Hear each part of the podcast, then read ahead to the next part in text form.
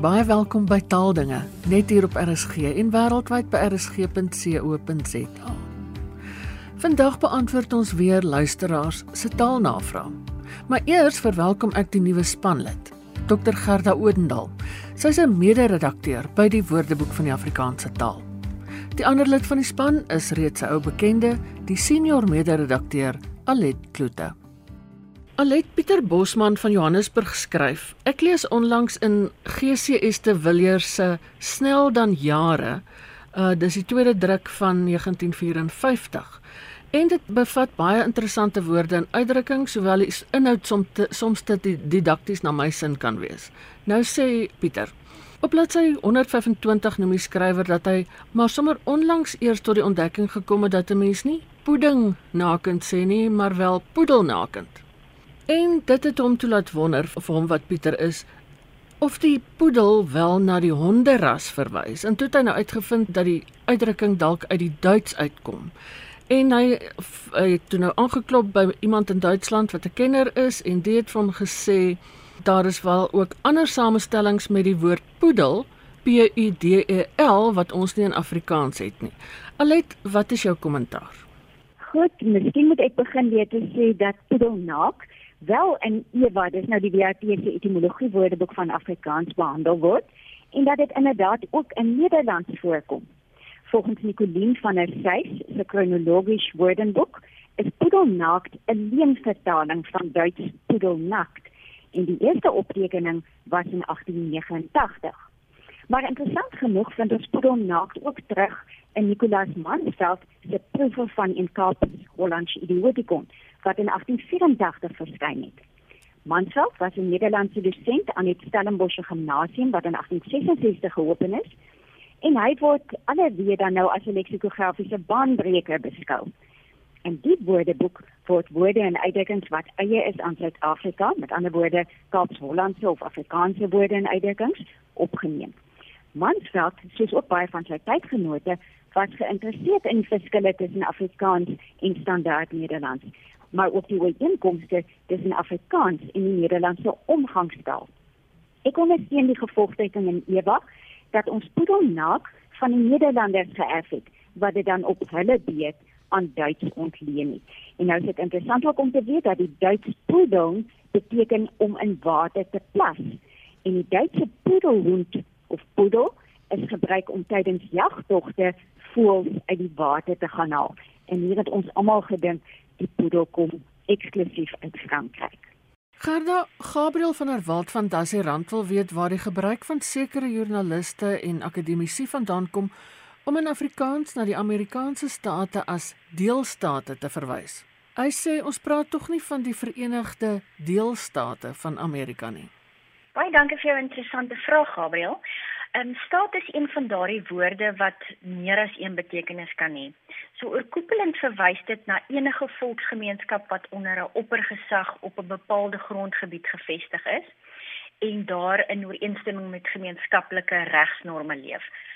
Maar as ons meer spesifiek gaan kyk, kan dit enerzijds verwys na 'n nasionale staatkundige eenheid of wat ons in die volksmond soms 'n land sal noem. So ons kan sê Suid-Afrika is 'n staat. Maar anderzijds kan dit ook verwys na een van 'n groep state wat same vereniging vorm, veral dan 'n federasie.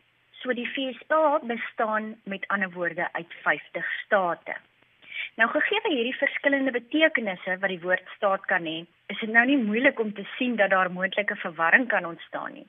Ons sou streng gesproke kon sê dat die staat Amerika uit verskillende state bestaan maar dit is natuurlik verwarrend. So die woord deelstaat word gebruik om meer spesifiek te wees en om dus enige verwarring te voorkom.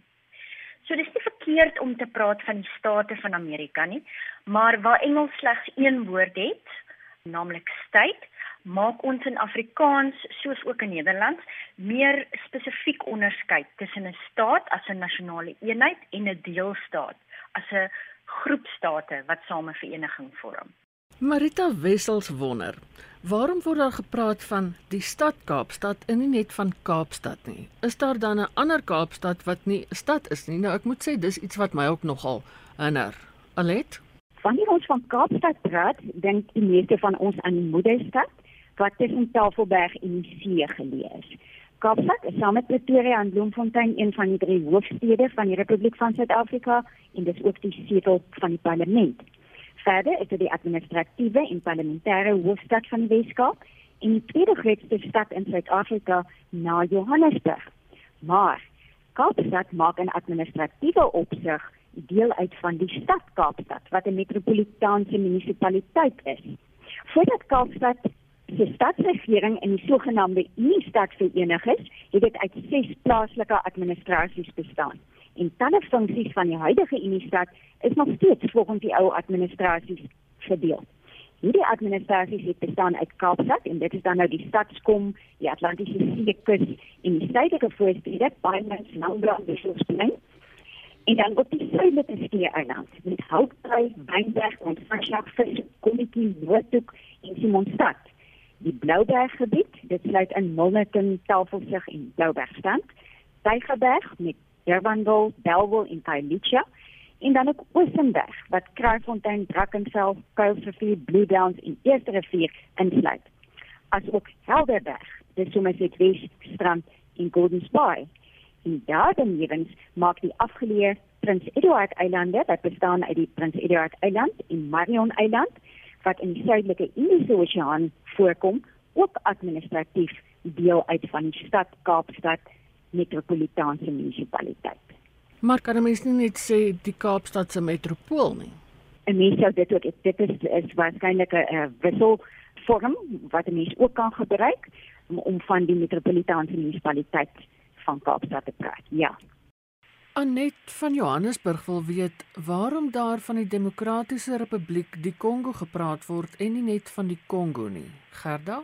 Die antwoord sluit aan by die vorige antwoord oor deelstaat. Die kort antwoord is daar is meer as een Kongo. So buite die Demokratiese Republiek van die Kongo kry ons ook net gewoon die Republiek Kongo. En hierdie twee lande lê langs mekaar en hulle word deur die Kongo rivier geskei. So Kongo kan verder ook nog verwys na die rivier of die taal wat in die twee lande gepraat word, die bevolking van die twee lande, dan sal ook 'n dorp in Ghana en 'n dorp in Liberia wat Kongo is En dan sou ook nog 'n hele paar ander dorpe in ander dele van die wêreld wat ook bekend staan as Kongo. So dit gaan hier weer om presisie en om verwarring uit te skakel. Alet Dr. Cecile Roo van Potterwil maak 'n paar interessante opmerkings. Eerstens sê sy: "Hoe meer ek aan die klem dink, hoe meer kan ek dit in verband bring met die feit dat dat 'n mens byvoorbeeld in Engels dikwels tot 11 verskillende betekenisse vir woorde kan kry." In Afrikaans het ons nie dieselfde verskynsel tot dieselfde mate nie. Dan in die tweede plek, in die Transvaal is jy aantreklik as jy mooi is. In die Kaap is jy aantreklik ook as jy jou iets aantrek, met ander woorde iets verpersoonlik. Dit is dus meer 'n kulturele aspek as 'n werklike taalprobleem. En dan derdens sê sy Amore vra nou die dag, wat breek 'n diamant? Toe antwoord die inbeller, wil jy weet waar deur die diamant gebreek word of wat kan die diamant breek? Nou sê dokter Roo, in my dae het ek nie van al die dinge soos oordraaglike sinne ensovoorts geleer nie. Maar oor dikwels die jonger geslag praat so. Dit kan baie verwarrend wees. Alet, wil jy hierop reageer? Ek is nou nie seker of ek die eerste opmerking heeltemal reg verstaan nie en ek wil my ook nie graag oor die Engels uitlaat nie. Dokter Roo gee nie hier Engelse voorbeelde nie. Maar wat ek wel weet is dat homograwe, dis woorde wat eers geskryf word, maar verskillend uitgespreek word, redelik algemeen in Afrikaans voorkom. Ek dink aan die volgende: roman, vissoort, roman, verhaal, kopie, winskoop, kopie, afskrif, gesel wat maat is en gesel verslaan. Sandaal vir skuisel en sandal wat 'n paling is. Onderwerp vir 'n saak en onderwerp ondergeskik stel. Kartel wat 'n handelsooreenkoms is en kartel wat golf beteken. Opsluit vir toesluit en opsluit wat volstrek beteken. Nou hier is daar wel eens waar nie 11 betekenis mondlikhede per woord nie. En daarom dink ek sal dit interessant wees as Dr. Roo vir ons die Engelse voorbeelde met meer betekenis mondlikhede kan aanstuur. Wat die tweede opmerking betref, dink ek aantreklik skakel nou eintlik of jy gevoorbeeld met aantreklik skakel aan die eerste opmerking van Dr. Rooi het te kenne gegee dat aantreklik twee betekenis moontlikhede kan hê, maar dat dit dan nou pas in die patroon van 'n woord waar die klem verskil. Ek dink dit is die geval nie want aantreklik het een klem ons sê aantreklik of dit dan nou mooi beteken of dit lig geraak beteken. Verder is ek 'n gebore en 'n getoe Bolander maar aantreklik in die betekenis lig geraak wees ken ek net uit woordeboeke. My ma, my skoonma kom ook uit die Boland en die Swartland onderskeidelik, maar ek het hulle nog net gesien. Aantreklik beteken wel, dit is baie gebruiklik. Miskien van die luisteraars vir ons laat weet waar aantreklik in die betekenis lig geraak dan nou algemeen gebruik word. Wat die derde opmerking betref, stem ek saam dat amore se vraag dubbelsinnig en dalk verwarrend kan wees. Normaalweg is dubbelsinnigheid toe te skryf aan 'n ondeurdagte sinskonstruksie wat miskien nou hier ook die geval is. Dit is nie ongewoon vir Afrikaans nie, maar as jy wil verhoed dat jou vraag verkeerd vertolk word, moet jy op jou formulering let, veral wanneer dit in die openbare media is. Nou die volgende een is vir my 'n besondere interessante vraag Gerda. 'n Anonieme luisteraar het twee musiekvrae ingestuur. Eerstens wil die persoon weet wat die woord bagatel beteken en of dit verband hou met die uitdrukking vir elke bagatel. En dan wil die persoon ook weet of concerto en konsert dieselfde ding is. Goed om die eerste vraag te beantwoord. 'n Bagatel is 'n kort lighartige komposisie. Met ander woorde 'n musiekstukkie wat nie baie ernstig is nie. Nou voordat hierdie woord as 'n musiekterm ingespan is, is dit gebruik om na iets te verwys wat onbelangrik, klein, van geringe betekenis of waarde is. En dis dan waar die uitdrukking vir elke bagatel of ook vir elke bagatel vandaan kom. As ons byvoorbeeld sê Piet laat die dokter vir elke bagatel roep, beteken dit dat Piet die dokter vir elke klein of onbelangrike dingetjie laat roep.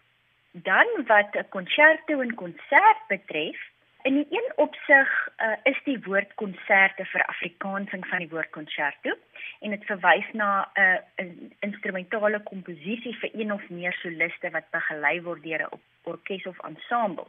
Maar die woord concerto is uitsluitlik 'n musiekterm en is net hierdie betekenis wat daaraan gekoppel word. Terwyl die woord konsert mettertyd verder uitgebrei het sodat dit vandag 'n baie breër betekenis het. Ons kan byvoorbeeld na enige openbare uitvoering voor 'n gehoor as 'n konsert verwys. Dit sluit in um, sang, musiek, dans, voordrag, toneelkuns ensovoorts. So mens kan na 'n konsert van Kerdern gaan kyk, maar ek twyfel of jy ooit uh, na 'n konserto van Kerdern sal kan kyk. Iemand vra Verduidelik asseblief wanneer daar 'n S moet wees in woorde en wanneer nie. Byvoorbeeld landsbelang, werkswinkel teenoor werkwinkel, omgewingsstudie ensovoorts. Alet, hoe werk hierdie beginsel? Die S wat is in die komponente van 'n samestelling voorkom word 'n verbindingsklank genoem. En die funksie van die verbindingsklank is dan om die leesbaarheid of die uitspraak van 'n woord te vergemaklik. Daar is ook ander verbindingsklanke, byvoorbeeld die E in boereoorlog, die ins E en S in beklaanswaardig, die R JR en kalwe liefde ensovoorts. Daar is 'n hele klomp reëls of beginsels wat die gebruik al dan nie van die verbindingsklank bepaal. Hierdie reëls word volledig uiteengesit in die Afrikaanse woordelys en spelreëls en ek gaan net die belangrikstes vinnig noem. By sommige samestellings is die verbindingsklank verpligtend. Voorbeelde: ambagsman, helderdaad, waarnuis, nooiens van geestesgesondheid, kinderkamer en ook landsbelang wat die luisteraar hier noem. By ander is die verbindingsklank opsioneel en die gebruik daarvan hang van die individuele voorkeur af. Byvoorbeeld doodkus, doodskus, groepklas, groepsklas, streekhof, streekshof, verjaardag, verjaarsdag en die luisteraar se voorbeeld werkwinkel, werkswinkel. En dan by 'n derde groep kom die verbindingsklank glad nie voor nie. Indien die tweede woord in 'n samestelling byvoorbeeld met 'n s begin, sou die verbinding s nie ingevoeg nie. Soos in man skoene, maar ons sê man hinde omdat hinde met 'n h en nie 'n s begin nie. Dame skoen, maar dames hoed en dan ook die luisteraar se voorbeeld omgewingsstudie, maar omgewingsimpakstudie. Soms is die een nie verbindingsklank nie, maar dui dit op die meervoud. 'n Mens kan byvoorbeeld sê skoolkoor, dan is dit die koor van 'n skool teenoor skoolkoor, 'n koor wat uit verskillende skole se sangers saamgestel is. Indien die verbindingsklank verpligtend is, dan is dit verkeerd om dit weg te laat. En indien dit glad nie voorkom nie, is dit weer verkeerd om dit in te sit. En dit is dan nou min of meer die die belangrikste riglyne. Enie van Randburg wil weet, wat wat is die betekenisverskil tussen des nie teenstaande, des ondanks, ondanks, nie teenstaande, in weerwil van en ten spyte van? Gerda? Enie, op betekenisvlak kom al hierdie woorde en woordgroepe eintlik op dieselfde neer. Die enigste twee woorde wat op 'n baie subtiele vlak van die res verskil, is die bywoorde des nie teenstaande en des ondanks. Die res van die woorde is terloops voorsetsels of voorsetselgroepe. So kom ons kyk na die verskil tussen des nie teenstaande en nie teenstaande. Nou, soos ek reeds gesê het, beteken die twee woorde in 'n groot mate dieselfde. Maar des nie teenstaande het 'n betekeniselement by wat meebring dat die twee nie heeltemal op dieselfde manier gebruik word nie. Nou die ekstra betekeniselement word gedra deur daai voorvoegsel des. En dis 'n ou Nederlandse vorm wat hier min of meer beteken dit, daarvan of die. En dit verwys dan terug na iets wat reeds genoem is. Nou om 'n voorbeeld te gee, as ons ons kan die sin hê, nie teenstaande die goeie reën het die oes misluk of die oes het misluk nie teenstaande die goeie reën. Maar ons het vir jaar goeie reën gehad des nie teenstaande het die oes misluk. In hierdie laaste geval slaan die des nie teenstaande dus terug op die goeie reën en beteken dit dus dit met ander woorde die goeie reën nie teenstaande. So om die rede is dit nie korrek om in die eersgenoemde sin des nie teenstaande gebru te gebruik nie. So ons kan nie sê des nie teenstaande die goeie reën nie die oes misluk of die oes het, het misluk des nie teenstaande die goeie reën nie. Dieselfde geld dan ook die bywoord desondanks en die voorsetsel ondanks. Ook hier moet die des geval terugverwys na iets wat reeds genoem is. Byvoorbeeld ondanks die goeie reën het die oes misluk, maar ons het vir jaar goeie reën gehad, desondanks die het die oes misluk. So uh, wat die voorsetsels en voorsetselgroepe betref, uh, met ander woorde ondanks, nie teenstaande in weerwil van en ten spyte van, hulle kan uitruilbaar gebruik word. Ehm um, daar's nie regtig 'n enkele een wat ons sal maar sê meer korrek is of wat voorkeur geniet bo die ander nie. Hulle almal kom maar neer op ten spyte van. Dit was Alet Kloete en Gerda Odendaal van die Woordeboek van die Afrikaanse taal. En 'n hele klompie vrae staan oor vir 'n volgende program. Soos ek altyd sê, ons kan help verseker dat die omvattende Woordeboek van Afrikaans voltooi kan word. En 'n mens kan dit doen deur 'n woord te borg of te koop. Al die besonderhede is op die WAT se webwerf beskikbaar. Dan het vinnig iets anders. Die afgelope week het 'n wonderlike ding gebeur. Die Universiteit van Kaapstad het 'n eredoktorsgraad toegekend aan die laaste spreker van die Nu-taal, Katrina Esou, of soos sy in die gemeenskap bekend staan, ouma Katrina Esou. Baie geluk aan haar en dankie vir haar goeie werk om 'n taal lewend te hou en te sorg dat dit voortbestaan. En 'n pluimpie of eintlik 'n hele pouveer in die hoed van die Universiteit van Kaapstad. Dis dan al vir vandag. Al die programme is op Potgooi beskikbaar. Gaan kyk net op RSG se webwerf by rsg.co.za. Klik op Potgooi en daar gaan 'n hele wêreld oop. Stuur gerus vir my jou taalnavrae. My e-posadres is ina@rsg.co.za. Geniet die res van die Sondag in RSG se geselskap. Bly veilig, bly gesond en van my Ina Strydom groete tot 'n volgende keer.